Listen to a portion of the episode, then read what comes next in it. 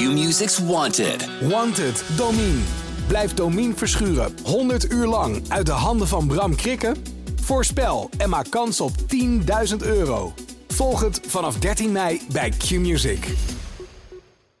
Hi, voordat je aan deze podcast begint, nog even dit. Ik ben Corine Kolen en samen met Mona de Brouwer en de Volkskrant maak ik een nieuwe podcast, genaamd Moderne Liefde. In de 18 jaar dat ik schrijf over de liefde heb ik die enorm zien veranderen. En in deze podcast hoor je daarom elke twee weken het verhaal van iemands persoonlijke zoektocht naar liefde en vriendschap. Abonneer je nu in je podcast-app. Dankjewel. Hallo, mijn naam is Gijs Groenteman. Ik zit niet in een archiefkast op de redactie van de Volkskrant. Ik zit thuis onder de halfslaper van mijn dochter om een interview aan te kondigen. Dat ik zojuist heb opgenomen met een journaliste en schrijfster die een boek heeft geschreven. Dat heet 365 dagen Nederlander. Zij is Nederlands, maar zij is ooit geboren in Pakistan. Ik kwam op haar derde met haar ouders hier naar Nederland. En eh, krijgt elke dag te maken, of meerdere malen per dag, met situaties waarin zij als mens, persoon, iemand van kleur op een of andere manier toch weggezet wordt. Met een vooroordeel bejegend, zich een beetje moet verantwoorden. Nou, het zijn vaak subtiele en ook vaak minder subtiele, uh, ongemakkelijke situaties waarin ze zich bevindt. En ze heeft er in dit boek 365, voor elke dag van een jaar 1, 365 opgeschreven. Eerst is er steeds de plaatsbepaling. Dus elke, elke situatie heeft een bladzijde. Dus bijvoorbeeld lunch Enschede. En dan staat daaronder een, uh, een dialoogje of wandeling staat hier. Of VPRO-redactie Hilversum. En dan altijd zijn er situaties waarin ze ja, tegen een vooroordeel moet vechten. Of uh, uh, op een bepaalde manier weggezet wordt. Of ja, ongemakkelijk wordt toegesproken. Nou, het zijn fascinerende voorbeelden. Het geeft je weer een hele nieuwe, interessante kijk op nou, hoe het is om, om persoon van kleur te zijn, man of vrouw van kleur te zijn. ik ga het er in ieder geval over hebben met mijn gast Naida Aurangzeb. Zo Naida. Hey. Ik heb hier je boek 365 dagen Nederlander voor me liggen. Achterin staat dat er in oktober 365 dagen vrouw uitkomt. Ja, dat klopt. Is, Nog sneller dan oktober. 30, 30 september. 30 september. Halleluja. Dus die heb je al af. Die heb ik al af. En Ja. was dat om die te schrijven? Ehm, ja, spannend, maar ook alsof het er al zo lang in zat, net als met deze. Dat kwam er in één keer uit. Vandaar ook dat ik gewoon een maand eerder klaar ben. Ja.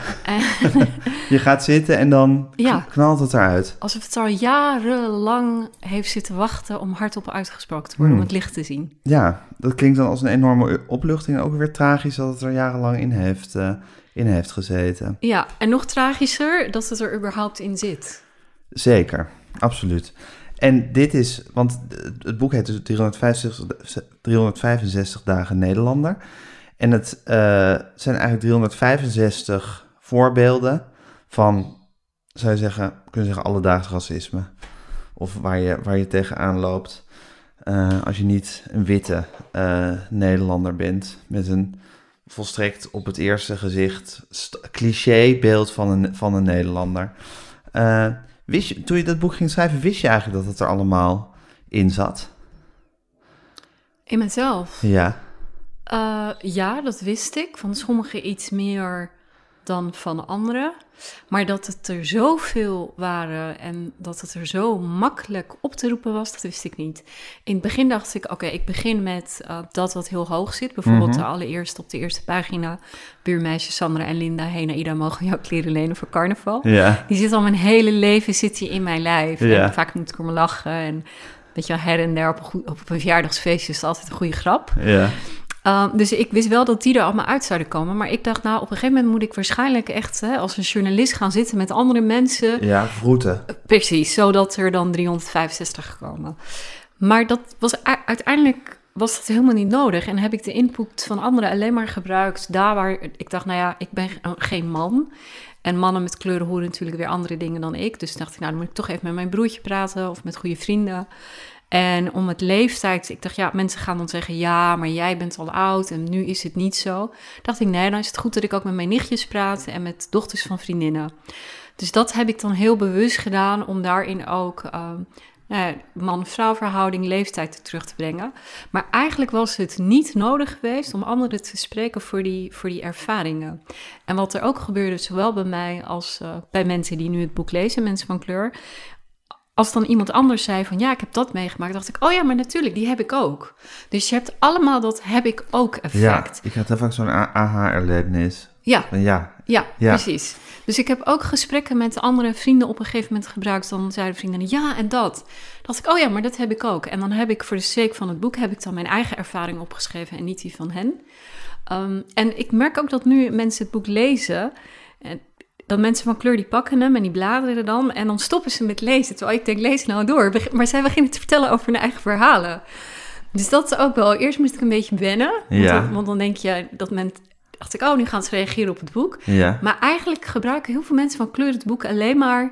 Is het voor hen een soort groen licht om nu vrij uit te mogen praten over hun eigen ervaringen? Ja, en als je zegt nu vrijheid te mogen praten over hun eigen ervaringen, dat impliceert ook dat het, dat het niet altijd zo gewoon is om over die eigen Ja. ervaringen te Ja. praten. Hoe Ja. komt dat? Ehm, de geïnt- eh, verschillende dingen. Eén is denk ik toch die geïnternaliseerde witte stem, die natuurlijk in jezelf ook zit als je van kleur bent en heel diep zit. Wat is de geïnternaliseerde witte stem? Ja, dat is een stem die zegt: stel je niet aan. Zo erg is het allemaal Ja. niet. Doe even normaal. Niet zo kleinzielig doen.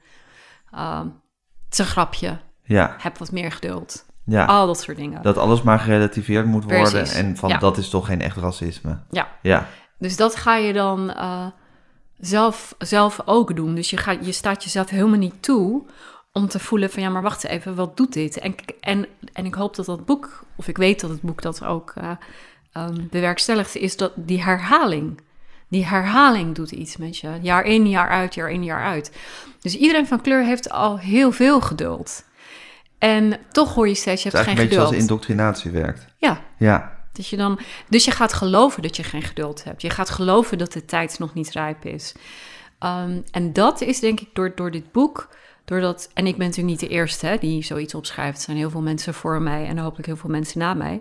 Maar met z'n allen zitten we wel in een soort tijd, in een beweging waarin het is, oké, nu mag je het zeggen. ja, En wat er dan gebeurt is, kijk, eh, hardop zeg maar, theorieën van vooroordelen, racisme bespreken is nog één ding. Maar al die alledaagse dingen, dat je mag zeggen, ja, weet je, eigenlijk is het helemaal niet tof als je in de HEMA staat en, eh, en ineens zeggen drie vrouwen draaien zich om en zeggen, ja, jullie, eh, jullie kunnen nooit rustig wachten. Ja, jullie, jullie, ik sta hier alleen, man, doe normaal. ja. Dus dat die alledaagse dingen, dat ik die opschrijf en daarmee dus zeg, ik vind ze wel erg. Zie je dat andere mensen van kleur een soort toestemming krijgen van, oh, dus ik mag nu ook zeggen dat ik Ja. het ook erg vind. Ja, want die indoctrinatie, zoals ik het dan noemde, zou natuurlijk inderdaad de, de, zou ik zeggen, de, het diepste gevolg van die indoctrinatie, of de diepste, de diepste laag van die indoctrinatie, is natuurlijk inderdaad dat je een soort wij-zij gevoel krijgt. Dus dat je inderdaad het gevoel bent dat je, dat je, dat je een soort andere, andere soort bent dan degene door wie dit je Ja. gezegd wordt. Ehm, en ehm, het goede is natuurlijk ervan, omdat het zo'n, want je zegt er is natuurlijk heel veel over geschreven en het is ook zo. Het goede hiervan is dat het zo'n terloopse manier van, eh, van opschrijven is, hè, met die 365 voorbeelden. Dat het niet een pamflet is. Het is niet, je, je kl- je klimt niet in de pen om, om mensen de les te lezen. Dat zou ook je goed recht zijn, maar goed, dat, is, dat heeft vaak weer een heel, dat heeft vaak weer een, een ander effect. Terwijl dit is gewoon, je leest het gewoon. Bij heel veel van die voorbeelden denk je inderdaad van, eh, ja, is, ligt hier een diep racistische intentie te- aan ten grondslag? Of is het gewoon domheid? Of is het gewoon inderdaad het racisme wat in zit? Maar het is, je voelt wel altijd de pijnlijkheid van de, van de situatie. Werd je ook nog boos toen je het, eh, toen je het schreef? Eh, ja. En nog even over die, voor die boosheid, dat racisme, want jij gebruikt Ja. een paar keer het woordje racisme. Het maffe is dat in mijn hoofd, maar ook in het hoofd van heel veel andere mensen van kleur, eigenlijk het woord racisme helemaal geen onderdeel is van hoe we denken of wat we voelen. Ik ben nooit bezig met, oh, is dat wat die persoon heeft gezegd wel of niet racistisch? Nee. Wat denk je dan? Wat ik denk is, ga je weer met je kortzichtigheid? Ga je weer met Maar is kortzichtigheid dan niet een ander woord voor, of is dat niet gewoon een eufemisme voor racisme? Nou, omdat racisme, ik, ik merk namelijk ook in de lezingen of eh, de, de, de, nou de plekken waar ik kom naar aanleiding van het Ja. boek die ik geef, merk ik dat, dat je eigenlijk er altijd een wit iemand is die opstaat en het eh R-woord gebruikt, om het Ja. zo te zeggen. En dat mensen van kleur doen dat niet. En ik zag onlangs uh, BNN-Vara zendt nu een documentaire uit over een school in Engeland.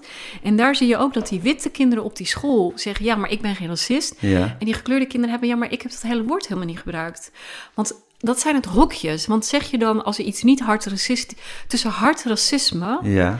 en ehm, niks zeggen zit een hele wereld. Ja. En ik beschrijf die wereld. Ja. Of iets hard racistisch is, is aan de rechter en niet Mhm. aan mij. Dus daar ben ik niet mee bezig.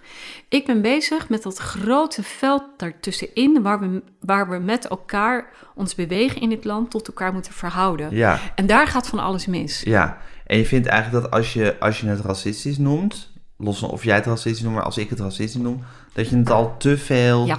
eh, ja, criminaliseert bij wijze van Exact. spreken. En wat je dan krijgt, wat dus ook gebeurt in Ja. Nederland, is dan gaat de discussie meteen, ja, maar ik ben niet racistisch, ik bedoel het goed.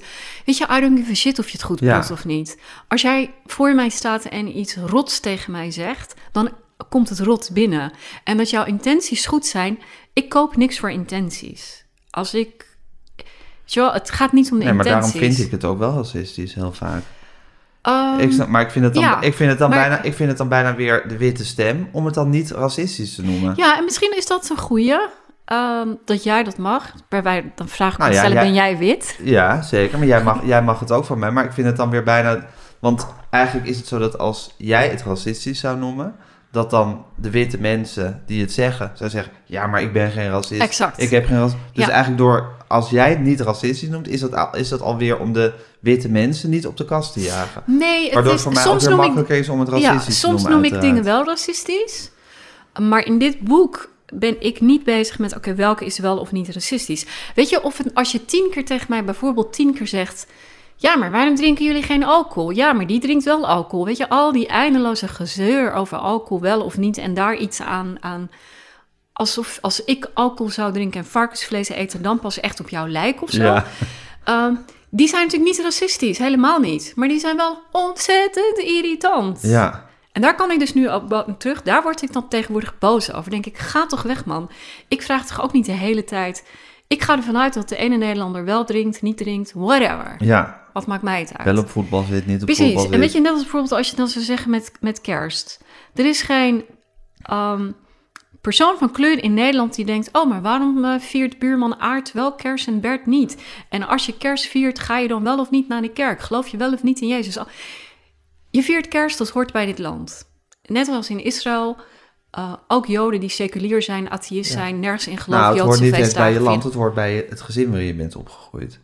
Ook, zou ik haast zeggen. ook. Er zijn natuurlijk heel veel mensen in het land, die het niet vieren. Joden, moslims, die niks met kerst hebben. Ja, maar dat is een gedoe voor de witte Nederlander die geen moslim of jood is. Hè? Want dan gaat het, hoezo vier je geen kerst? Die staat er ook in. Je woont toch al zo lang hier? Ja, Maar je gaat, waar het mij steeds om gaat, is je legt de ander langs een meetlat waar je zelf niet langs legt. Want bij jezelf snap je dat de ene witte Nederlander wel kerst viert en de ander niet. Ja. De een zich aankleedt voor kerst en de ander niet. Maar als je dan toevallig een moslim iemand kent, dan vind je dat al die moslims op elkaar moeten lijken. ja, Maar je denkt nooit dat alle mensen in Brabant op elkaar moeten lijken. nee. Nou, en dat, dat, dat is waar ik wel tegenwoordig boos op word. Dus dan is het, of het wel of geen racisme is, maakt me niet uit. Maar je kijkt naar mij op een manier waarop je niet naar mensen die op jouzelf lijken kijken. Ja, het lastige is natuurlijk ook wel dat precies dat wat je zegt, dat eh, generaliseren en langs, langs een meetlat leggen. Want je zegt, je zegt van, je gaat, denkt toch ook niet dat alle mensen in Brabant hetzelfde zijn. Maar dat is natuurlijk misschien juist precies wat mensen ook weer wel heel vaak denken. Zo van, Brabanders, dat zijn toch gezellige mensen. Ja. Ja? Door ge- generaliserend denken, over welke groep dan ook, is natuurlijk, is natuurlijk ook weer is natuurlijk wel een menselijk trekje. Tuurlijk. Ja, En ik doe het net zo goed. Alleen er zijn gradaties in. ja, Dus in dat Brabant, als je kijkt vanuit een Amsterdam, vanuit een hè, randstedelijke blik, dan heb je iets te zeggen over mensen in Brabant. Of, eh, ja. eh, ja en het lastige is dat er natuurlijk vaak bij eh, mensen van kleur of bij moslims, dat er ook een soort, een soort zweem van veroordeling in zit. Ja, Het is Ja. natuurlijk als je zegt Brabanders, dat zijn allemaal gezellige mensen. Nou, dan is, zal er geen Brabander zijn, ook als hij zichzelf helemaal niet zo gezellig vindt, die zich daar diep beledigd door. Dat, daar, Ja. zit niet zo'n, daar zit niet nog een soort klein beetje venijn in. nee. En hier is het... Kijk, en dan kan je ook... Weet je, als je van die cirkels zou tekenen... Je hebt toch dan in de sociologie zo'n cirkel... en dan is het... Wat past dan en waar, waar overlapt het elkaar? Ja. Dus natuurlijk overlappen sommige dingen met, met ehm, stereotypen... Ja. of met denken over bepaalde groepen... maar heel veel overlapt ook weer niet. Ja, Want een Brabander is inderdaad vanuit hier gezien, ze zijn gezelliger. Maar iedereen snapt dat in Brabant ook mensen zijn die wel dit doen en dat doen en niet zus doen en die zo geen doen. carnaval vieren. Precies. Ja, En dat valt weg op de een of andere vreemde manier als het over mensen als kleur gaat. Ik zeg bijvoorbeeld altijd, een voorbeeld is als je als een gemiddeld wit iemand, wat even een gemiddeld wit iemand zou zijn, maar op straat loopt en nou ja, vijf zwarte jongetjes van 15, 16 ziet staan, dan steekt iemand over naar de andere kant, voelt zich onveilig, want vijf zwarte jongens. ja, Maar staan daar vijf witte jongetjes ook een beetje dom te doen, dan zijn het vijf tieners. ja, En ik wil zo graag dat als je langs die vijf zwarte jongetjes loopt, je ook gewoon vijf tieners ziet. En die heel vaak dan zeggen, dag mevrouw. Dan zeg ik, dag jongens, hebben jullie het gezellig? En ik merk ook vaak bij die zwarte jongens, of Turks, Marokkaans, Nederlandse jongens die er staan, dat zij ook voelen dat die ander die langsloopt zich ongemakkelijk Ja. voelt door hen. die horen eigenlijk wel die witte stem. Exact. Ja, En dat is, weet je, en dat vind ik, daar word ik verdrietig van, niet eens boos, omdat ik dat onrechtvaardig vind. Ik denk van, hoezo, en je ziet het ook in de journalistiek, hè, berichtgevingen over bepaalde wijken. Dan denk je, ja, maar kijk dan ook, het, zijn hangjongeren, of weet je, kijk verder dan alleen die kleur of, of die cultuur. Ehm, dus daarin wordt, is het niet meer onschuldig van, nou ja, weet je, we hebben allemaal stereotypes over elkaar. Natuurlijk hebben we die. Ehm, maar dit gaat verder en dan komt er ook nog iets bij langs die meetlat zit er ook in dat wat jij ook al zei, hè, er zit een soort veroordeling. ja van je is- bent pas goed als je het doet zoals wij. Ja. Ja. Nee, en dat is natuurlijk het lastig dat, dat, dat, dat ik me voor kan stellen dat denken in stereotypen, dat dat heel moeilijk af te leren is voor mensen. Of dat dat, gewoon, dat, dat, dat, dat toch een beetje een menselijke eigenschap is. Dat zal weer zijn, e- zijn evolutionaire grondslag eh, hebben. Maar dat het inderdaad, zodra, zodra er een soort voor, eh, voor, ja, dat, dat hele veroordelen en dat. Nou goed, ik eh, ga een hele lange, slecht geformuleerd. Ik heb je boek even op een willekeurige pagina opengeslagen. Oké. Om gewoon even een voorbeeld, gewoon een willekeurig voorbeeld aan te halen. Ehm, ik ben nu bij dag 134, koffiehoek reclamebureau. Eh, hoe kwam, is het, dit is een voorbeeld van iemand anders dan Ja. neem ik aan. Ja. Dan zegt manager Rita, ik lees hem nu, eh, eh, ik heb hem niet voorbereid. hè. Manager Rita, kan jij even aan de schoonmaker vragen of ze eerst mijn kamer doet? Sadia, ze spreekt Nederlands. Manager Rita, jullie praten makkelijker met elkaar. Ik vind dat lastiger omdat ze een hoofddoek draagt. Jij bent dat gewend. Ja, dat is toch bizar dat dat voorkomt. Ja.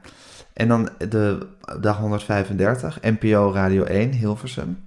Dus het is bij de Radio 1. eh, want toen was je aan het presenteren zelf op de radio. En dan zeg jij, het was me een genoegen u te spreken. Dank voor het interview. En dan zegt de hoogleraar die je hebt geïnterviewd. Je blijft maar u zeggen. Die Oosterse bescheidenheid gaat er niet uit, hè? Ja, van die u had ik er ongeveer 15. En toen zei Echt mijn waar? redacteur van, ja, dat kan echt niet. Ach joh, ik heb echt nou... Zo vaak ben ik daarop aangesproken waarom ik u zeg. Dat doen we in ons land niet. In ons land mag je gewoon jij zeggen. Terwijl een hoogleraar op Radio 1 foevoyeren lijkt me toch, lijkt me toch niet... Precies. Ja, heel ongepast. Ja, precies. Ja, Ik heb die echt, ik heb ze, uiteindelijk heb ik hem geloof ik één of twee keer erin gelaten. Want eh, de redacteur had zoiets, oké, nu weten we het wel met je u. ja. Maar, die, maar die zit Maar het heel... was een soort van verdacht dat jij iemand foevoyeerde. Of een soort van... Hij wordt dan gekoppeld, die u wordt- is mijn hele leven al gekoppeld aan... Oh ja, ja, jij mag...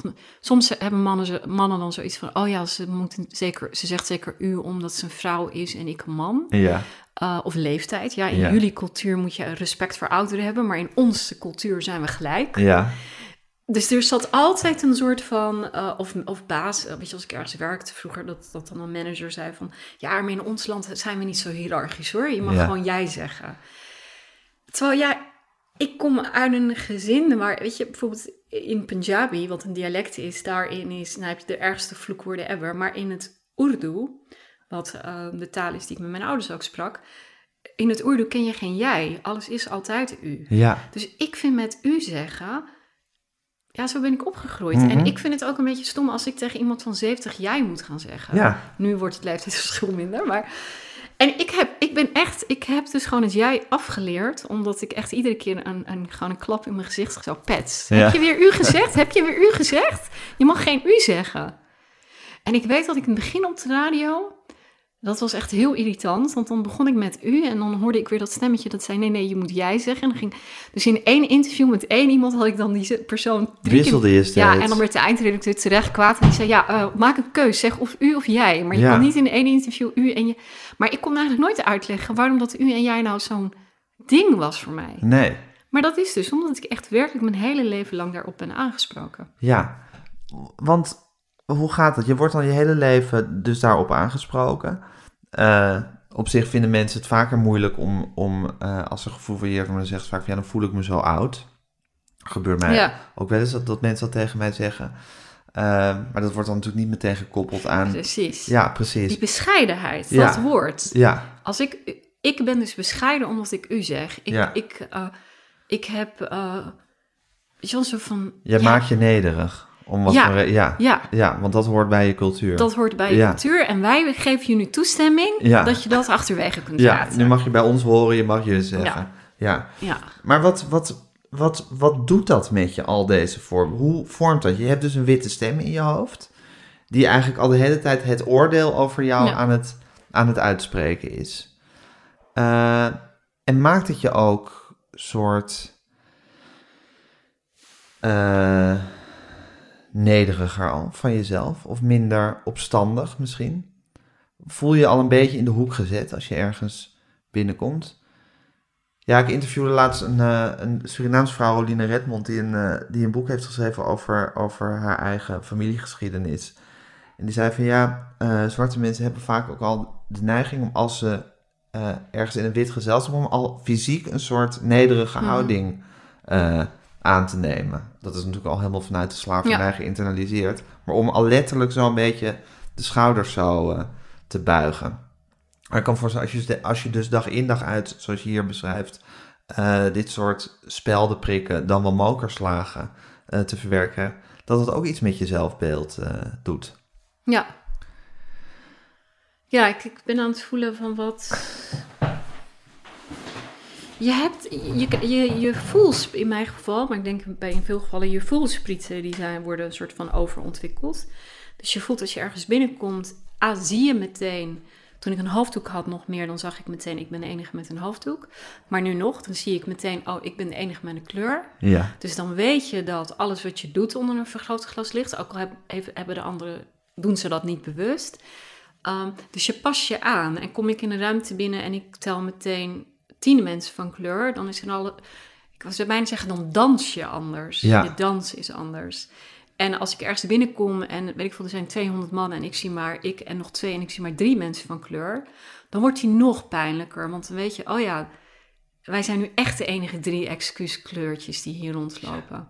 Dus, dus je, je, je, je- mijn, de manier waarop ik je scan, radar. met- radar, Ja, zo net als ik weet van vrienden, nou ja, bijvoorbeeld als je in, in oorlogsgebieden hebt gewoond, dan kom je binnen en dan weet je meteen hoe moet je staan en waar moet je rug ja. naartoe. waar is de deur? Dingen waar Ja. wij helemaal niet over nadenken. Gelukkig hoeven we daar niet over na te denken. Maar dat heb ik met, wel met dit. Ik heb meteen door ehm, hoe zijn die verhoudingen. En op basis daarvan, ik geloof niet dat ik me ooit bewust kleiner maak. Het zijn, ik zie het wel bij mannen van kleur. Mannen van kleur gaan, maken zich kleiner. Ja, is zo? Ah, Is dat ja, een verschil? Ja, ja, ja, die maken zich ook.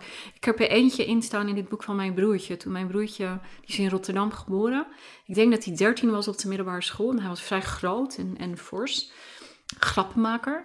Grote stem. En toen moest ik bij de directeur langskomen. En die staat in het boek hoor. En, dat, en die zei toen van ja, maar we worden er ongemakkelijk van. En zeg maar, wat is het? Is die agressief? Nee, nee, het is een grappenmaker. Hij, iedereen lacht altijd. Hij is ontzettend lief. Ik zeg maar, wat is dan het probleem? Wat wil je dat ik doe? Ja, Ja, als hij door de gang loopt, dan loopt er een grote donkere jongen. En dat vinden, dat vinden zowel de leraren als de leerlingen vinden dat ja, een beetje... En intimiderend. toen zei ik, maar wat wilt u dan dat ik doe? Ja, en toen heeft hij letterlijk gezegd, hij zou aangeklaagd moeten worden. Hij heeft toen letterlijk gezegd, kun je je broertje vragen of hij iets meer, of hij zich iets kleiner maakt als hij door de gang loopt?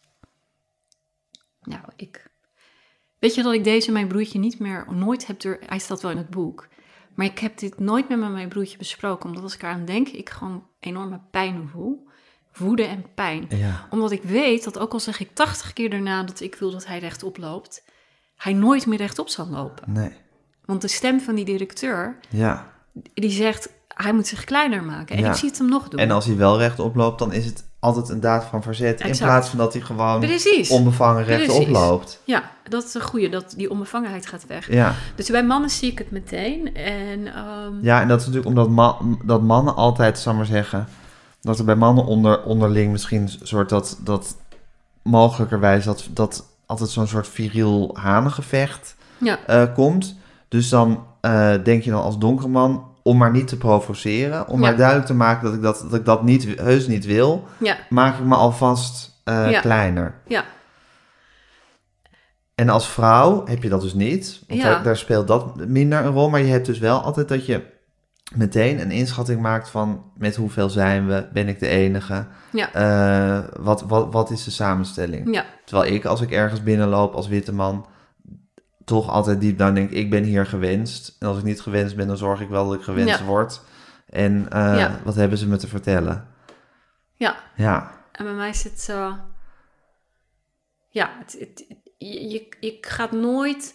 En soms wel hoor, dan ga ik onbevangen ergens naar binnen. En, maar dan gebeurt het na een half uur. Of ik zit hier in een restaurant. Kijk, Amsterdam is ook ontzettend gesegregeerd. ja. Maar als je hier in het Westerpark zit, dan, nou ja, dan ben je bij- bijna altijd de enige van kleur. En de mensen die niet van kleur zijn, zijn toeristen. ja.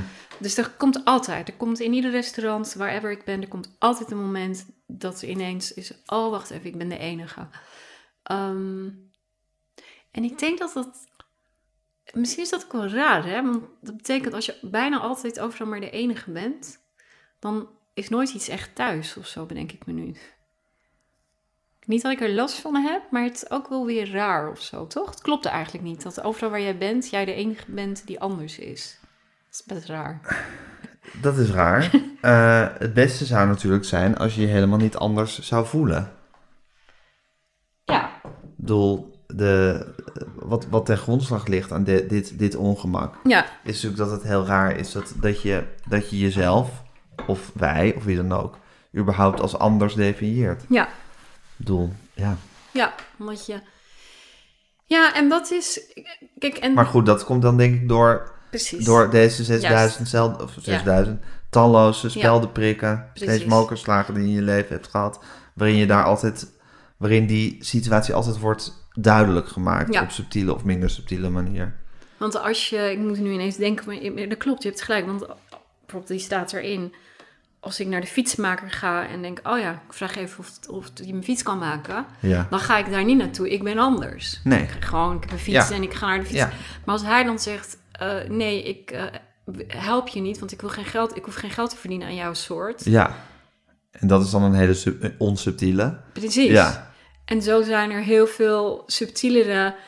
Als je het meest voorkomende is, eh, als je ergens loopt en mensen zeggen warm, hè, dan zult, zult u vast fijn vinden dat het vandaag warm is. Ja, Nee, helemaal niet. Ik hou helemaal want niet. daar houden jullie van. Daar, houden, Ja. daar kunnen jullie goed Daar tegen. kunnen jullie goed tegen. Het is wel, dan, dus ja, je hebt gelijk. Het, het is niet dat je zelf, maar dan is er altijd, er is minstens één moment op de dag waarin iemand jou duidelijk maakt. En soms is het dan misschien niet naar mij, maar dan loop ik langs.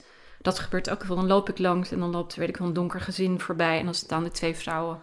Dus weet je dat je met elkaar passeert en dan zeggen ze iets over die personen. Ja, En maar op het moment dat dat gebeurt, is natuurlijk mijn onbevangenheid van dat, die dag ook weer weg. ja, Dus inderdaad, soms is het niet rechtstreeks tot mij gericht. Maar dan vang ik dingen op Ja. over andere mensen van kleur. ja, Of ik vang dingen op, nu bijvoorbeeld, waar ik helemaal niet tegen kan. Is met alles wat in Afghanistan gebeurt, is natuurlijk overal waar je loopt, zit. Is iemand wel, zegt iemand wel, een witte iemand wel iets over Afghanistan. Maar er komt altijd een zin bij waar ik gewoon boos van word, misselijk van word. geef eens een voorbeeld. Nou, bijvoorbeeld, het gaat dan. Weet ik van, dan ga ik weer even bij de bakker en dan willekeurig. En dan zegt de bakker: Oh god, hoe vind jij dat dan wat er in Afghanistan gebeurt? Dan zeg ik: Ja, ik, zeg, ja ik, ik begrijp het gewoon allemaal niet, dus ik laat het langs me heen gaan. En dan wil ik hem eigenlijk eindigen. En dan is het: Ja, nou ja, ik vind het toch ook wel raar. Ik begrijp ook niet hoezo die mensen zo achterlijk zijn. Dus je had dus woorden als achterlijk worden er meteen aangekoppeld. Ze zijn allemaal zo, dat zit in hun cultuur, die religie is zo. Mhm. Dus het wordt meteen, als ik tegen jou zeg, voel ik echt weer die pijn in mijn hart. Dus het is geen gesprek over gewone mensen. Het is geen gesprek over landen waar allerlei ingewikkelde geopolitieke dingen Ja. ten grondslag liggen. Ja, Er is geen gesprek over onze eigen verantwoordelijkheid. Hoe wij als het Westen een deel van de wereld hebben verziekt. Weet je, de- de- de- en het is allemaal weer langs die maatstaf van... ja, maar wij gaan goed met vrouwen om. Wij gaan goed met dit en dit om. Ja, flikker op. Je gaat helemaal nergens goed mee om, weet je wel. Ga weg. ja, Dus eigenlijk wil ik gewoon de hele tijd nog gillen... ga weg. Ja. Laat me met rust. Uh, dus dat zijn, ja, dat zijn van die dingen die dan dat de hele tijd door gebeuren. ja.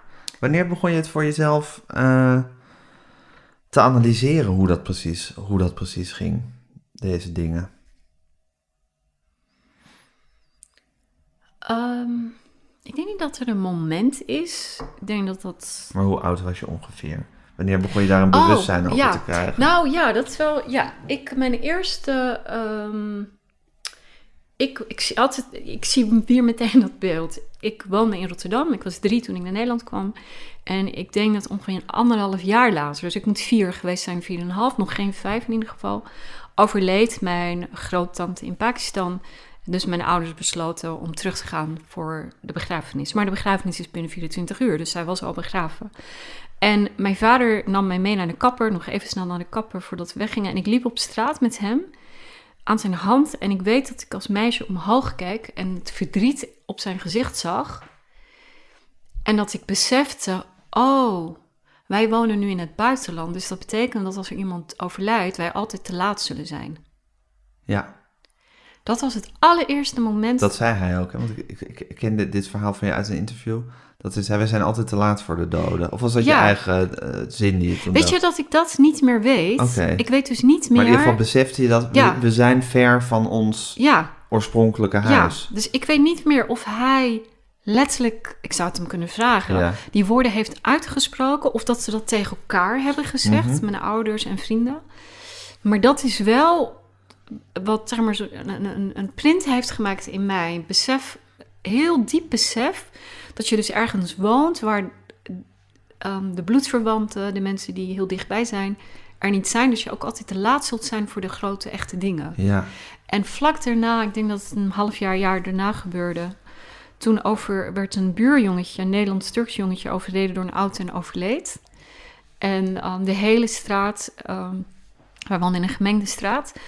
Wij gingen daar naartoe en ook hij had behalve zijn ouders en zijn broertjes en zusjes geen familie.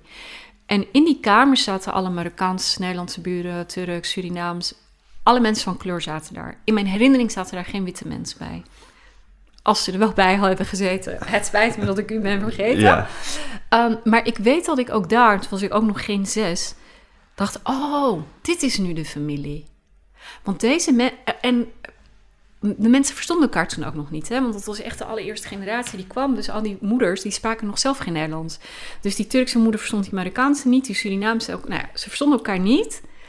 Maar ze wisten wel wat ze moesten doen. Want ja. ze, ze, ze, in de emotie wisten ze, wij zijn nu je familie. Ja. En dat kindje werd toen naar Turkije gebracht om begraven te worden.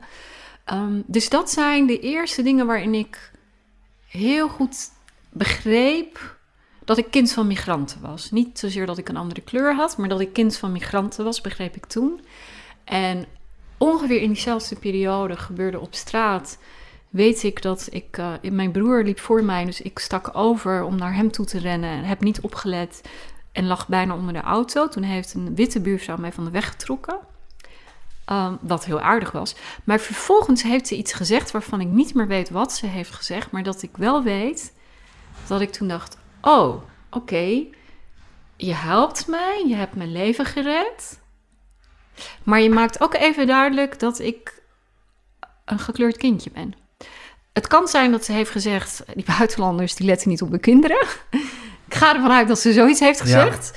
Ja. I don't know, maar ik weet zoiets wel... was het. Zoiets moet het geweest ja. zijn. Maar ik weet dat dat... dat weet je wel, dat... dat dus dat is, zou maar zeggen, eigenlijk... In dit boek zou dat de oeruitspraak kunnen zijn. Ja. Dat was de eerste keer dat je, dat je ineens... Dus nadat je al had gemerkt van... Oké, okay, we hebben ik, heb een ander, ik, ik ben kind van migrantenouders. We zijn Ja. migranten hier. Eh, en dat je ineens ook vanuit, vanuit de buitenwereld dat een beetje ingepeperd kreeg. Ja, Dat was dat, dat, was dat moment. ja. Want Ja. nogmaals, ik weet niet wat ze heeft gezegd. Nee, maar je ik- voelde dat Ik voelde het, want ik zie mezelf ook weer daar staan. En ik weet dat toen een andere buurvrouw, op een gegeven moment iets van twee, drie vrouwen om me heen stonden, witte vrouwen. Dat het niet fijn was. Nee, Dat was niet fijn. Ik voelde niet van wauw, ze hebben mijn leven gered en Charles, ze hebben me nu warm omhelst. Nee, nee, het was, het, whatever ze hebben gezegd, het was naar. En daarna kwam, een paar jaar later kwam dan Sandra en Linda mogen je kleren lenen voor carnaval. Dat is ook zo eentje die me altijd bij is gebleven. Ook die dubbelheid ervan, want ik ging je huilen. hebt ook wel een goed, goed oog voor situaties, hè? Is dat zo? Dat denk Omdat- ik. Denk ik. Omdat je, omdat je, heel, omdat je, dat, omdat je het heel trefzeker kan eh, uitkaderen. Dus als kind al. Ja, Want toen was je dus eh, vijf of zes toen je voor, Ja. die, voor, die, voor die auto werd weggetrokken. ja, Dus je voelde dan, je voelde dan meteen wel van oké, dat is de situatie. ja. Ja, Ja, en dat is altijd wel gebleven. Ja, inderdaad. Ik voel, ja. Ik, ik, mijn, mijn hoofd maakt een soort kleine, snelle shots. Ja, Foto's. precies. Het zijn beelden. van de situatie. Ja. Hoe is het? Ja. Hoe, hoe liggen de verhoudingen? Ja. En nu je dit zegt, denk ik dat dat ook is waarom ik het kon opschrijven zoals ik het heb opgeschreven. Omdat de rest, dus het is als met een camera, ik, ik, ik zoom in. De rest valt weg. Ja. Dus ik onthoud niet meer. Misschien hebben deze mensen hier ook wel daarvoor gezegd: God, heb je leuke hakken aan en wat zit je haar goed. Ja. Maar dan zoom ik weg. Ja. Want in het midden heb je dit gezegd. ja, en de precies. rest ver- vervaagt. Ja. Ja. ja. Wanneer wist je wat je wilde worden? Wanneer wist ik het? Ehm, ik weet niet of er een moment was dat ik... Ik weet alleen dat ik ook weer in dat inzoomen de herinneringen heb dat ik, nou, ik denk tien was of zo, dat als mijn ouders weggingen naar vrienden, dan sloop ik in de slaapkamer van mijn moeder, deed de deur op slot. Dat was de enige kamer die op slot kon doen. Dus dat een grote spiegel en dan ging ik voor de spiegel zitten. En dan eh, zei ik, eh, welkom, wat fijn dat u naar deze radio-uitzending luistert. Dus ik was al een radiopresentator op een vrij jonge leeftijd voor Ja. die spiegel. Ja. Dat was één wat ik heel veel deed voor die, radio, voor die spiegel. En het tweede wat ik vaak deed, eigenlijk ook heel bizar, maar dan was ik een soort woordvoerder. Dan, dan vertelde ik van, nou, in ons land is er nu een bomaanslag. Dus ik was toch een soort, dus het wel met taal. Ja. Dus ik denk dat dat journalistieke en verhalen vertellen, Ja. dat dat er heel En mensen op de hoogte brengen. Mensen- van wat ja. er aan de hand is. Ja, Ja. oh ja, dat is een goeie, ja. Ja, want het was wel altijd mensen op de hoogte brengen. Ja. Uitleggen. uitleggen. Ja. ja. En toen we in eh, groep eh, 8, klas, nu groep 8, toen klas 6, ja, dan heb je dat zo'n feest dat je af- afscheid neemt. En dan, nou, de helft van de klas was dan Madonna en de andere helft Michael Jackson. Dat kon ik allemaal niet, wou ik wel, maar ik, en toen hebben de docenten gezegd dat ik het eh, live op het podium met 8 uur journaal moest presenteren. Ja.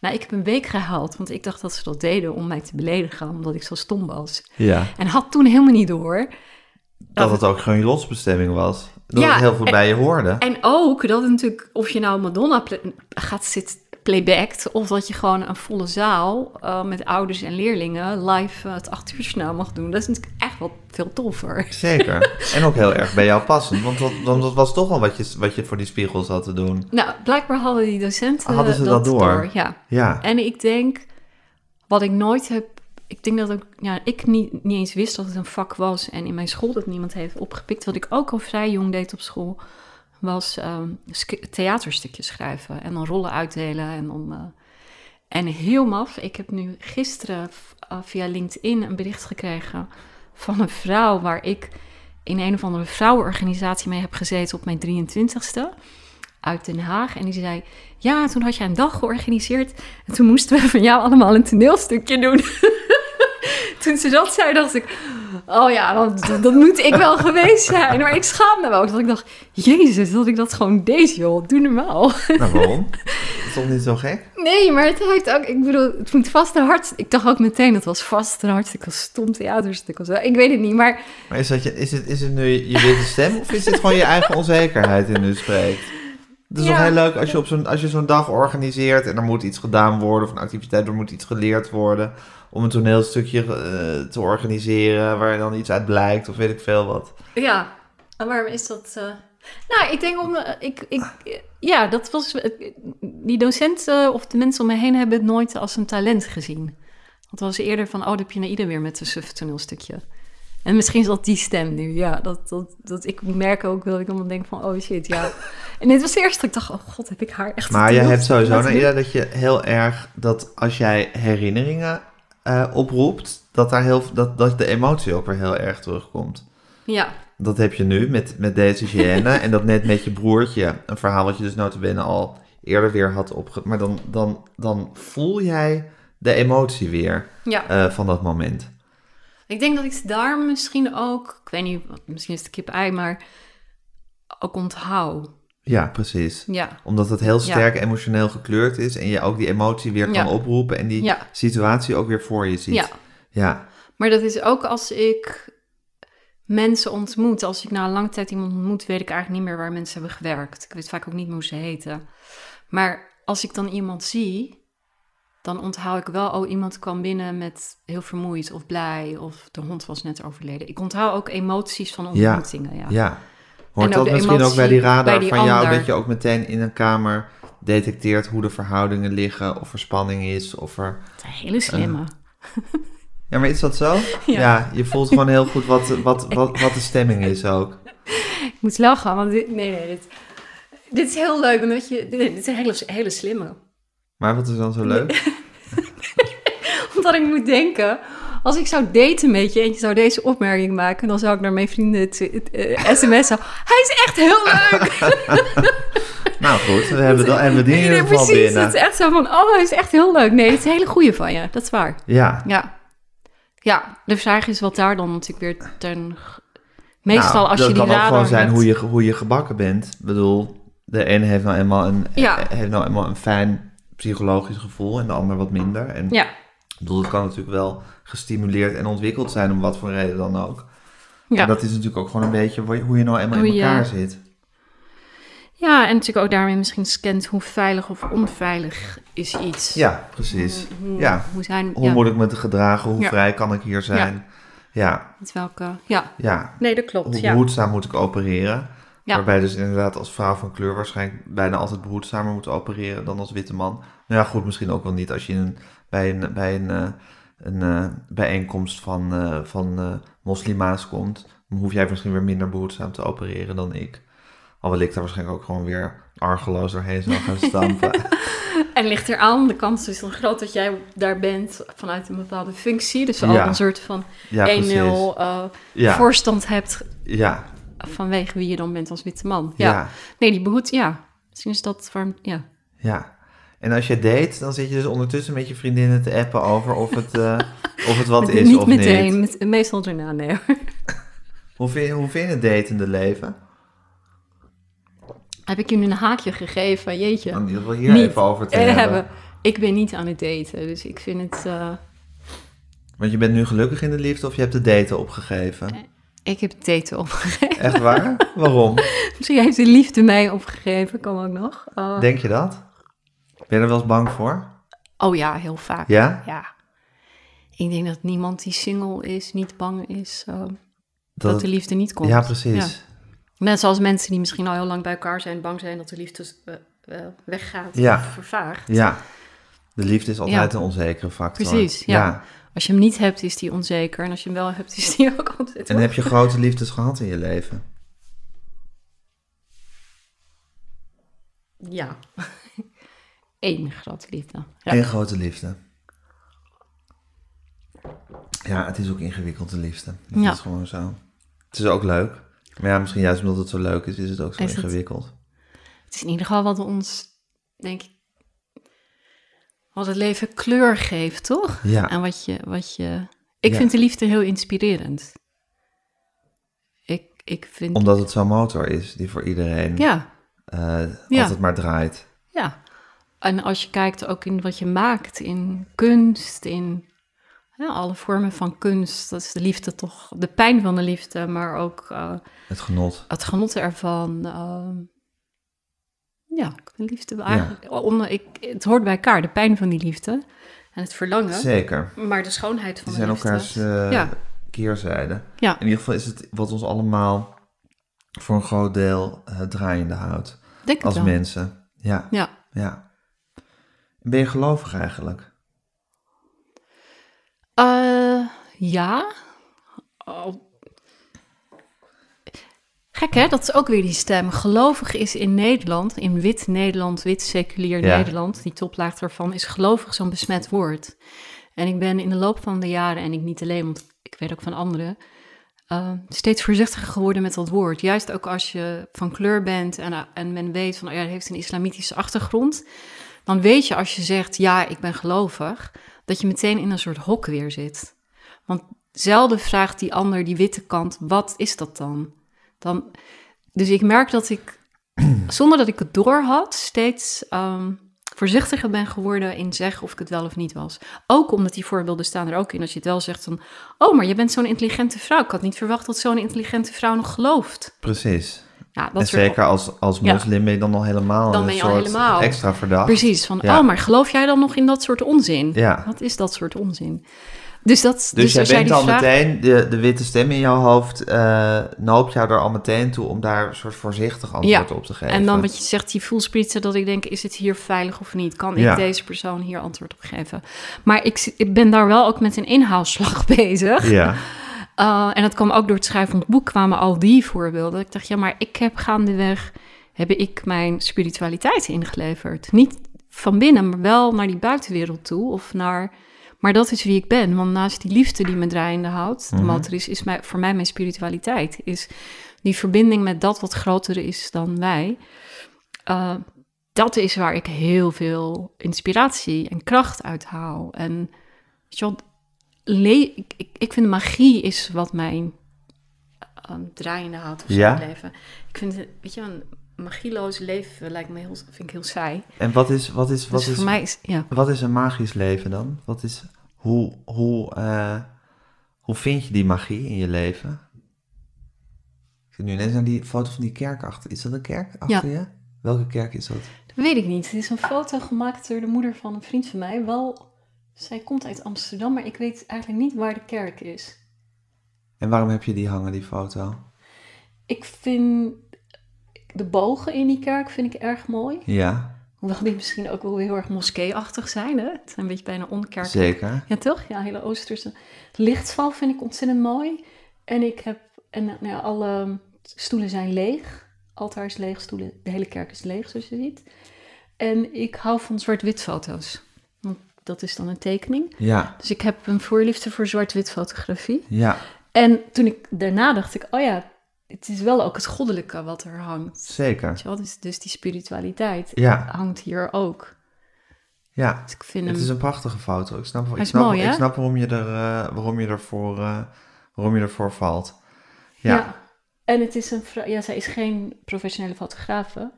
Dus ik vind dat ook mooi als er iets is, bijvoorbeeld de, dame die daar hangt. ja. dat is gemaakt door een verstandelijk gehandicapt eh, Echt waar? vrouw. Ja, Jezus. een bruid, zwart-wit, cool. Ja, Een schitterende tekening. fantastisch Ja, hè? heel erg mooi. En dat vind ik ook mooi, van dat is een ja, verstandelijk gehandicapt. Het is een vrouw die van fotografie houdt, maar het is niet haar vak. Dus dat vind ik dan ook leuk. Ja, Ja, daar hou je van. daar hou ik ook van. Ja. Ja. Maar die kerk, ja, Ja, maar de, goed, je, je houdt dus van eh, het magische in het leven. Of je, je, je wil het magische in het leven ook voelen. En je daar niet voor afsluiten. Ja, en het is niet eens dat ik het wil voelen, het is er. Het is er altijd, iedere dag. Mhm. Um, alleen, ik zet me er, dat lukt ook niet altijd, maar zo bewust mogelijk ook voor open. Wanneer is het er dan bijvoorbeeld? Wanneer is het er niet? Van nu? Hoor je de stilte? En die is er altijd. En dat is wel, ik weet nog dat ik in dit huis kwam, dacht er, is een stilte die er altijd hangt. Dus toen heb ik ehm, de, eh, de eigenaar die hier voor hier woonde gebeld. Ik zei van, god, dit- er is een stilte. Ze moest die kaart lachen. En zei, De "Hoor stilte je-" in dit huis is Ja. anders dan op andere plekken. Ja, voor mij wel. Hij is er, in het lawaai is er nog een stilte. En toen zei hij, hij zei, ja, de jaren dat, dat hij hier heeft gewoond, dat hij in zijn meditatiefase, en was hij van de 24 uur per dag ongeveer eh, 18, 19 uur aan het mediteren. Ja, Veel. Veel, Ja. moet je ook maar willen. Ja. Maar, ik heb, maar goed, dat is dan magisch. En dan denk ik, ja, die stilte hangt er nog steeds. Dat, dat heeft hij gewoon achtergelaten. En of dat dan waar is of niet, dat doet er helemaal niet toe. Maar Nee. ja, dan word Nee, ik wel, precies, dan hoor ik omdat- hem wel. Exact. En, dan, en dat, dat is natuurlijk de essentie van of het waar is of niet, dat doet er niet toe. Je accepteert het Ja. en je omarmt het en je, je doorvoelt het. Zonder dat je gaat doodanalyseren van kan je door mediteren een stilte in een huis achterlaten. Ja, Ja, en tegelijkertijd is het ook weer, ja, maar als je dan wel weer gaat analyseren, als je het hoofd gaat gebruiken, weet je natuurlijk dat ehm, energieën blijven. Weet je, als jij in een stad loopt, iedereen kent dat wel. Je loopt in een stad en je loopt langs een gebouw en de een heeft het sterker dan de ander, maar ineens voel je, voel je iets over je rug. Dat je denkt, ah, dat klopt hier niet. ja, Ik heb bijvoorbeeld jaren in Den Haag gewoond en in dat hotel, hoe heet het ook wel? Dat hotel midden in de eh, op het noorden, ehm, Lange Voorhout. Hotel de Zen. Ja. Iedere keer als ik daar met vriendinnen zat, dacht ik, ah, dit is echt creepy. Echt creepy. En ik zat er één keer met een vriendin die ook gevoelig is voor die dingen. En toen zaten we er weer en dacht ik, ik weet niet waarom we hier komen. Ik kom hier gewoon, het is creepy. En toen hebben we onze iPhones gepakt en gegoogeld. En toen bleek dat in de Tweede Wereldoorlog het, eh, nou ja, het, eh, de, de woonkamer van, eh, van de Duitsers was. Later de woonkamer van Pim Fortuyn. Later de woonkamer van Verdonk. Niet dat ik Fortuyn al wil verge- vergelijken met, met de Duitsers voordat we dat krijgen. Maar in ieder geval had ik wel zoiets, ja, logisch. Ja, Als die Duitsers dit hebben gebruikt als een woonkamer, natuurlijk voel je dat. En ik heb het ook in Rotterdam. Ik weet als kind, dan reden we, dat is nu waar dan de Kop van Zuid staat, eh, tegenover het Nieuwe Theater en de Belastingdienst. Mhm. Altijd als we als kind daar doorheen reden, dan kreeg ik kippenvel. En dacht ik, oh, weet je wel, en dan zei ik, pap, kan je eens wat sneller, sneller er doorheen rijden? En jaren, jaren later, toen Google er was, dan Google, eh, een keer gegoogeld, want mijn broertje had het ook. Toen zei ik, wacht, ik ga het even opzoeken. Nou ja, het meest gebombardeerde stuk van Rotterdam. Dus energie, mijn punt is, energieën blijven. En kijk maar, als je naar, ik bedoel, als je naar een begrafenis gaat, ook al ken jij die persoon niet, je gaat mee in de energie die er dat, Ja. de emotie, toch? ja, En hetzelfde als je naar een bruiloft gaat, dan krijg je weer een hele andere. ja. ehm, dus ja, nog lo- dus je zou kunnen zeggen, ja, die dingen zijn wel waar. Ja, maar het grappige is dat jij zelf zei of het waar is of niet, dat doet er eigenlijk niet toe. Vervolgens zeg ik Ja. van nee, dat is inderdaad de essentie. of het waar is of niet, En dan dat doet er niet toe. En vervolgens ga je, ga je heel drammerig zitten uitleggen dat het heus wel waar is. Ja, Dus dat ik heus niet hoef te denken dat het niet waar is. goed hè? Ja, heel dus goed. eigenlijk ben ik alleen maar mezelf aan het overtuigen. Ehm, Niet eens jou. Misschien, ja, ik denk dat je en jezelf aan het overtuigen bent. Of dat je gewoon ten diepste denkt dat het waar is. En best bereid bent om te zeggen of het waar is of niet, dat doet er niet toe. Maar dat je eigenlijk gewoon wil zeggen dat Het het, is waar hartstikke is. waar. Het is hartstikke waar. En ik zou willen dat heel veel meer mensen die waarheid zich open zouden Ja, zetten voor die Maar heb je ook waarheid. echt een godsbesef? Of zit het meer in het spirituele en dat God in alles is? Ja, de, ik, ehm, toen eh, Einstein werd gevraagd of, die in God, of het waar is, weten we niet. Ja. Hè? Maar geloof je in God? Zei hij, ik geloof in de God van Spinoza. En dat vond ik zo mooi. En dacht ik, oh ja, wat was dan die God van Spinoza? En dat is Ben je dat inderdaad... gaan googelen? Ben ik dat gaan googelen? Dan natuurlijk verschillende dingen googelen. Want, want de anderen zeggen weer nee, nee, dat heeft hij niet zo bedoeld. Uh, maar ik ga voor de, ik ga waarin die bedoeld zou hebben, inderdaad de God die in alles is. Ja. Ja, dus ik geloof niet in een God, zeker niet in de christelijke God die een lange baard heeft en een witte man is. Überhaupt wil ik niet dat God een man is. Ik bedoel, het aftrainen van God als man, dat is al, uh, man, man, man, wat is dat ja, moeilijk. Dat is ook nog een hele, hele weg te dat gaan. Is een hele weg. Om dat eruit te krijgen. Om dat eruit te krijgen, omdat natuurlijk in de taal God altijd een hij is. En Ja. denk ik, ik wil helemaal niet Nou, dat en het hij is. God dan als oordelende figuur. Ja. En weet je, die oordelen. vrouw. Ja, en die oordelende figuur, voor mij is God niet een oordelende figuur. Nooit geweest ook eigenlijk. Als, als kind ook al niet. Terwijl ik natuurlijk wel, ik, of niet natuurlijk, maar ik ben opgegroeid in islamitische gezinnen waarin ook heel erg was, als je dit doet, ga je naar de hel en als je dat doet, ga je naar de hemel. En um, ik heb helemaal niks met die hel en die hemel. En Rabia al-Adawiya was een van de weinige vrouwelijke mystici waar nog teksten van zijn. En zij kwam uit uh, ja, wat nu dan het huidige Irak is. En reisde de hele wereld rond. Is uiteindelijk gestorven in Jeruzalem. Daar is ook haar graf. En een van haar uitspraken is: Als ik u, dus God, als ik u aanbid uit de angst voor de hel, gooi me dan in de hel.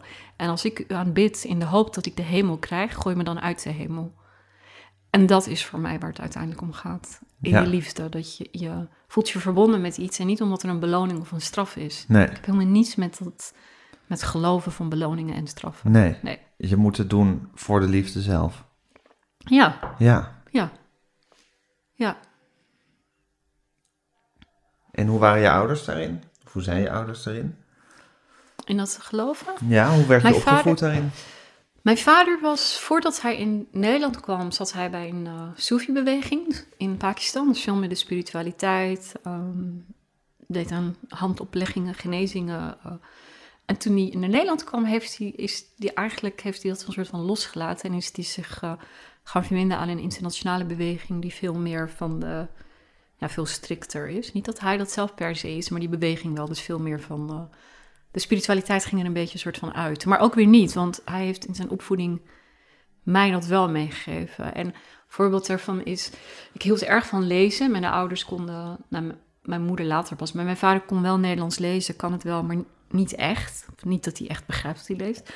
En ik weet dat hij op een gegeven moment naar mij toe kwam en ik was aan het lezen. En toen keek hij naar het boek en toen zei ja, ik heb geen idee wat voor boek dit is wat je leest. Dus ik kan ook helemaal niet opvoedkundig zeggen, je mag dit boek lezen of niet. Hij zei, het enige wat ik je wil meegeven is, als je een boek leest, zorg er dan voor dat je een paar keer gedurende het lezen even stil bent en voelt, wat doet het boek met je?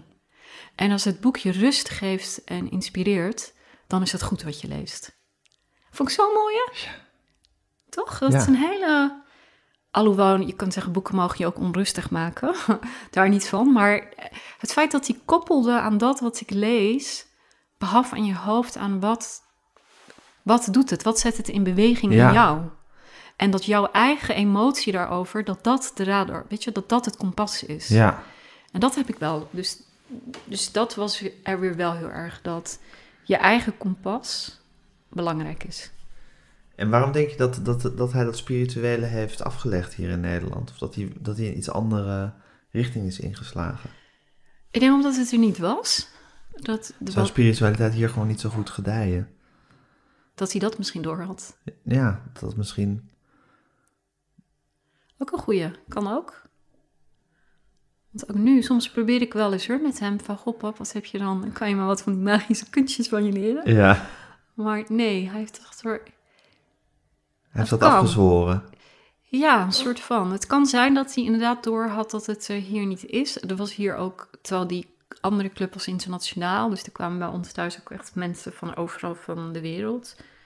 Van mensen uit Afrika tot eh, eh, mensen uit de Antillen die moslim waren. Mhm. Alles kwam er. Ehm, dus misschien was dat het ook. Dat hij, misschien was het ook pragmatisch.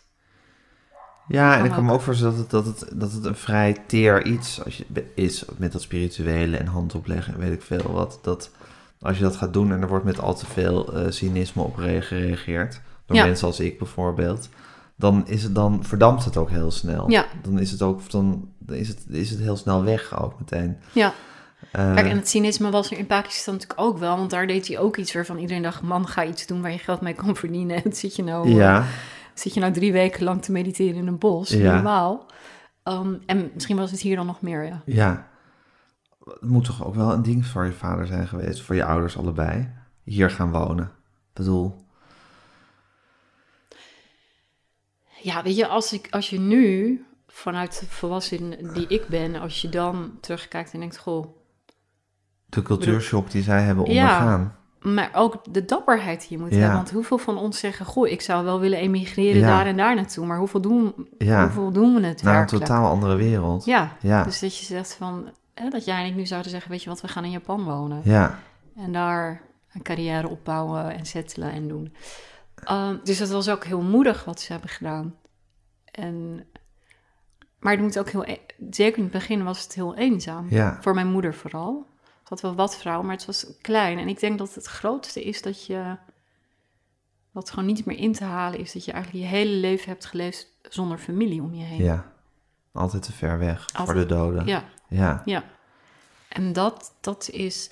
Maar goed, weet je, nu ja, is dit hun land? En het zijn de vrienden die ze hier hebben, zijn hun familie. En intussen is het zo dat als mijn ouders op vakantie zijn naar Pakistan en vrienden uit Nederland zijn daar ook, dan zoeken ze elkaar op in elkaar steden en Ja. dan blijven ze bij elkaar slapen. Ja, En ze kennen ook, dat is ook wel mooi om te zien hoor. Ik bedoel, mijn- ouders kennen de familie van hun vrienden die in Pakistan wonen. Dus dit is familie geworden. ja, Dus nu is het wel. eh, Maar goed, de tragiek van de migratie is natuurlijk ook, want ze- zij gaan dan terug. Vooral mijn vader heeft daar last van en die wil dan dat iedereen langskomt. En zo die oude avonden zoals vroeger, gaan zitten en dan buiten en onder de bomen en naar de sterren kijken. Maar dat, dat kan helemaal niet meer, want nee. de vrienden van hem die nog leven, ja, die hebben achterkleinkinderen Ja. die zijn daar, en kleinkinderen, die zijn daarmee bezig. Ja, Dus ik moet met enige regelmaat mijn vader erop wijzen dat hij of een oude zeur kan worden, ja. of gewoon moet Of door moet. Precies. Dus en dat hij- doe jij dan ook? Dat doe ik dan ook. En hij is nu, want hij is nu, hoe oud is hij? 73.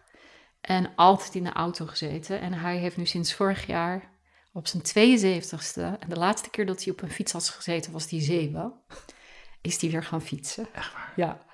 Dus dat vond ik wel heel knap. Op zijn 72ste dat is, heeft dat, ja, ik wil niet binnen zitten en die auto vindt hij niet meer zo fijn. Dus nu eh, is, eh, doet hij aan fietsen en toen heeft mijn oudste broer heeft toen gezegd, doe maar een elektrische fiets. Jeetje, vind ik gevaarlijk. Ja, het is wel prettig, maar gaat hij dan niet te hard?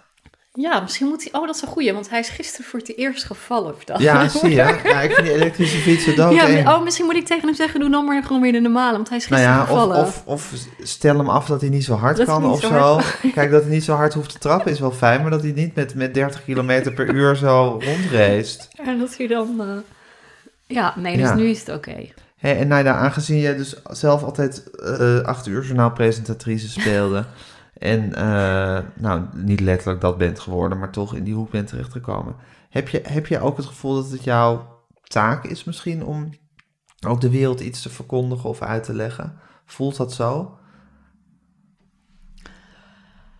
Ehm, ja, ik weet niet of taak, het voelt als, wel als een verantwoordelijkheid. Als een verantwoordelijkheid. Ja. ja. Om de, en dat voelt meer, als ik heel lekker brood had kunnen bakken, Ja. dan vind ik dat ik dat had moeten doen. En mensen moeten iedere ochtend ervoor zorgen dat ze lekker brood krijgen. En ik heb taal als een talent gekregen. En ik geloof wel dat je dingen ook krijgt. weet Ja. wel? En ik bedoel, ja. het zijn heel veel dingen die we zelf doen, maar ook dingen in, die jouw, we- in jouw Ja. magische wereldbeeld is het zo dat dat, dat, dat, dat, dat een talent is wat je gekregen hebt. Ja. ja. En daar horen... En waar je bij dus ook alles- verantwoordelijkheid Exact. over hebt. Alles wat je krijgt, hoort ook een verantwoordelijkheid Ja. bij. En als me, dus ja, ik zie het wel als een verantwoordelijkheid. Kijk, ook met het schrijven van dit boek. Dit is geen therapie. Ik had dit nooit kunnen schrijven als ik dacht... oh, dat zijn alleen maar dingen die mij, Naida, toevallig overkomen. Ehm, dat, had ik, dat, dat had ik niet kunnen doen. Dat ik dat kan doen, dat is omdat ik echt... als er iets is wat ik zeker weet, dan is het dat ik heel zeker weet... dat iedereen van kleur uh, zich hierin herkent. En niet allemaal in ieder... Maar Nee, dit is het verhaal van een, van een paar generaties. Dit is het verhaal van een groep mensen. En ik ben dan toevallig uit die groep mensen één van die mensen die, nou ja, zoals jij dat zei, dat verhaal van A naar B kan brengen. ja, Dus of ik het leuk vind of niet, dan moet ik het wel doen. je moet dat doen. Ik moet dat doen. Ja, Ja. En dat heb ik, dat is met dit, maar goed, het zijn ook met andere verhalen. Als het gaat over weet je, geweld tegen vrouwen, dan geldt het ook. Of er zijn heel ieder moment vraagt weer iets anders. Ja. Waarin ik vind van ja, dan moet je je verantwoordelijkheid nemen. ja, Ik kan niet zingen. Als ik had kunnen zingen, dan had ik ergens gestaan en gezongen en mensen daarmee blij gemaakt. Maar ja, ja. Aan de ene kant is het natuurlijk eh, zwaar dat je zo'n verantwoordelijkheid hebt. Tenminste, een verantwoordelijkheid geeft verantwoordelijkheid. Maar het is natuurlijk ook weer gewoon lekker duidelijk. Het is ook, ik bedoel, je weet, je weet wel gewoon welke kant je op moet in je leven. Hoe je dat proces moet invullen is natuurlijk een tweede, en een derde en een vierde. Maar ehm, het is niet zo dat je denkt van, en eigenlijk moet ik zanger worden. Of laat ik toch maar brood gaan bakken. Je weet dat je dit kan en dit moet je doen. ja, was het maar zo. Ja, Zo eenvoudig is het toch ook nog niet. Je kijkt me inderdaad vorm. aan van, nou, dacht het niet. Maar Nou ja, ik, omdat ik nu net in die transformatie zit, waardoor het even dan... eh, Je hebt gelijk, de rode draad in alles wat ik doe is wel dat ik die verantwoordelijk of stem geven aan. En, Ja. en wie, dat, wie die persoon is, dat is dan misschien steeds anders. En de vorm is anders. Want die vorm geldt natuurlijk ook. Zo, in die vorm was heel lang presentator zijn of interviewen. En toen kwam dit boek, wat natuurlijk nog steeds non-fictie is. En eigenlijk toch ook journalistiek. Zeker. Um, maar deep down, weet je, ik, het liefst had ik gewild dat ik kon tekenen zoals deze dame. Ja. Dat is het, wat ik het liefst had gewild. Maar ik kan niet tekenen, maar ik kan wel tekenen met woorden. Ja, en je kan praten en je kan schrijven. Ja, dus Ja. dat is mijn, mijn tekeningen. Dus ik zit nu in een fase dat ik denk, ja, er is ook iets in mij dat verhalen wil vertellen. En gedichten en poëzie. Ja. En, ehm, ja, en over de liefde en over alle thema's die heel universeel zijn. Dus Ja. ik zit daar. Ik- Dus Je gaat even kijken hoe het balletje rolt. ik hoop dat hij rolt, dat ik kan zeggen in januari... ik ben nu bezig met een eh, bundel korte verhalen. Ach, dat zou het zijn. Hey, en ik las in een interview dat je zei van Israël is eigenlijk mijn, eh, de plek waar ik mij het meest thuis voel. Ja, Waar zit hem dat in? Is het, die, is het die mengelmoes van alles wat daar is? Het is de mengelmoes van de mensen. Want toen jij eerder zei, weet je, toen ik eerder in het gesprek zei van als ik dan ergens ben, ben ik de enige. En denk ik, in Israël is dat niet zo. Heel veel mensen lijken op mij. Dus dat is nou een van de weinige landen waarin ik opga in de massa. Aan de Israëlisch-Joodse kant denken ze dat ik Israëlisch-Joods ben. En aan de Palestijnse kant denken ze meestal niet per se dat ik Palestijns ben. Mensen met een scherpe oog zien wel dat ik geen Palestijnse ben. Maar dan denken ze, ach, die komt vast ergens Arabisch. Ja, Ehm, dus dat voelt lekker. Dat, dat, dat ik gewoon op kan gaan in die massa. Mhm. Niet altijd de vreemdeling ben. En, ehm, maar ook het magische. Het, het is voor mij bij uitstek een land waarin die magie... Mijn Palestijnse vrienden zeggen, het is bij uitstek een land waarop iedere steen bloed, eh, ja. bloed Kleeft. kleeft, wat Ja. ook zo is. Maar je hebt steeds een keus. Je kunt, je, je, kunt alleen maar de ellende zien, maar je kunt ook zien wat het is. En het is het land waar die drie monotheïstische godsdiensten bij elkaar komen, waar die religieuze verhalen... Het is het land van verhalen, laat ik het daarop houden. Ja, Het is het land van verhalen. En als ik in Jeruzalem ben en op die olijfberg sta, dan heb ik, en dat is voor iedereen anders, maar voor mij heel erg het gevoel, ik voel dan dat de tijd groter is dan ons. En volgens mij is dat het, dat er, weet je wel, wel, ik ben geboren aan de voeten van de Himalaya en die zijn echt wel een stuk hoger dan de olijfberg. En toch voelt die olijfberg groter, weet je wel, toch is die, is die, ehm, nou ja, en behalve die kerk heb ik daar mijn... eh, mijn Joodse kandelaren staan. Ja, en die horen voor mij wel heel erg bij wie ik ben. ja, Dus in die... Je, en de hele... Ik ben opgegroeid met nou ja, die verhalen van, van de profeten. Ehm, in Pakistan is er een traditie dat verhalen worden door middel van kawalis, dus liederen. Dus dat wordt gezongen. Dus mijn moeder luisterde de hele dag naar die liederen. En zo kreeg ik het verhaal van Mozes en het verhaal van Jozef en ga zo maar door. En het zijn allemaal de, de aartsvaders. En het zijn natuurlijk de oude, de verhalen uit het Oude Testament. Dus voor mij zijn, is moslim zijn, is onlosmakelijk verbonden met het Oude Testament. Dus met de Joodse verhalen. En dan worden sommige mensen heel boos als ik dat zeg. maar ja, hij voor- zegt het is één pot nat. eh, precies. Ja. Het is één pot nat, maar Ja. het is ook één pot vol magische verhalen waar je iets mee kan. Ja. En, weet je wel, En als je gelooft in energieën die ergens blijven, dan ben je in Israël natuurlijk wel eh, op een plek, eh, ja. ja, uit duizenden. ja, Ja, dus dat is... En, en weet je, dat is heel persoonlijk, want heel veel mensen zeggen van Amerika, New York, weet je wel, dan ga ik aan en inspiratie. Nou, ik heb een paar maanden gewoond en ook best tussendoor dan weer steeds een paar maanden gezeten. Maar ik ga helemaal niet aan in New York. En dat is heel persoonlijk. Ik vind het heel leuk en ik voel me enorm thuis en weet mijn weg, maar ik ga niet aan. Ik ga aan op het moment dat ik op Olijfberg. ja, of eerder nog als ik op Ben Gurion aankom in Tel Aviv. Tuurlijk, dan duurt het vier uur voordat ik erin mag. Maar Ja, dat is ook de maar dan ben je ook aan. Maar dan ben je Ja. ook aan. En dan zit ik in de taxi en dan denk ik, zouden ze alsnog achter me aanrijden en me terughalen en terugsturen? Weet je wel, het duurt altijd ongeveer 24 uur voordat ik denk, oh ja, niemand komt me halen om Ja. het land uit te zetten. En natuurlijk is dat ook de realiteit. Ja. Ik, het is niet dat ik, weet je, een van de maffe romanticus ben die haar ogen sluit voor de realiteit. Dat is absoluut niet zo. Maar ik vind wel, ik, of laat ik het dan zeggen, ik vind, Kijk, het feit dat er heel veel racisme is in Nederland en dat ik zo'n boek kan schrijven, doet niets af aan het feit dat ik hou van dit land. En dat in Israël er een bezetting is en nou ja, allemaal verschrikkelijke dingen gebeuren, is gewoon hartstikke waar. Maar daarmee is mijn liefde voor dat gebied niet ineens weg. Nee, Ja. zo gecompliceerd kan het zijn in het leven. ja. En in de liefde. En in de Dus liefde, toch, en in ja. de liefde ook nog. Dat, wat je, wat je- ja, dat waar je van houdt is natuurlijk niet altijd per se dat het goed is of zo. Maar ja. Nee, en soms moet je ook door wat lelijke dingen heen kijken om het mooie te kunnen zien. Ja, en dat mooie is er. Ja, Dat is er zeker in Israël. En Ja. dat, is er, dat is er ook hier. En weet je, ik vind, er zijn ook best veel mensen die, of heel vaak dan zeggen als je het hebt over racisme. Ja, nou is er dan een land waar geen racisme is, dan ga je daar toch naartoe? Ja, dan ga je daar toch naartoe? weet je wel. Natuurlijk is er geen enkel land zonder racisme. Nee. Maar je hebt overal daar waar je bent, heb je een strijd te voeren. Of niet, Ja. hè? Ik bedoel, als je hem niet En wil je hebt voeren, wel ook allemaal je eigen verantwoordelijkheid. Precies, en die heb je daar. Ik ben nu hier in Nederland niet verantwoordelijk wat, wat er in Saoedi-Arabië gebeurt. Nee. Als ik in Saoedi naar Saoedi-Arabië zou gaan en zou besluiten, ik ga daar weet ik wel aan het werk, ja, dan ben ik wel verantwoordelijk. Ehm, dus ja, hier woon Ja. ik, dus hier ben ik verantwoordelijk. Laten we hier onze rommel een beetje opruimen. Ja, Ja, en gewoon het zo goed mogelijk doen. precies. Dankjewel Naida voor het schrijven van dit boek. En voor het volgende, wat binnenkort ook alweer in de boekwinkels ligt. kan je daar je hele interviewronde over... Het is wel leuk dat ik in het staartje van de interviewronde, over, eh, interviewronde over dit boek zit. Precies. Maar Heel het, is, eh, het is een, eh, het is een eye-opener. Of ook weer niet. Het is, ja, het is, het is, het is eigenlijk een heel helder, helder verslag van hoe het is. Het is, heel, het is ook een ideaal boek om op de wc te leggen. Ja. Kun je lekker zetten even een paar, paar eh, nou racistisch mag ik dus niet zeggen.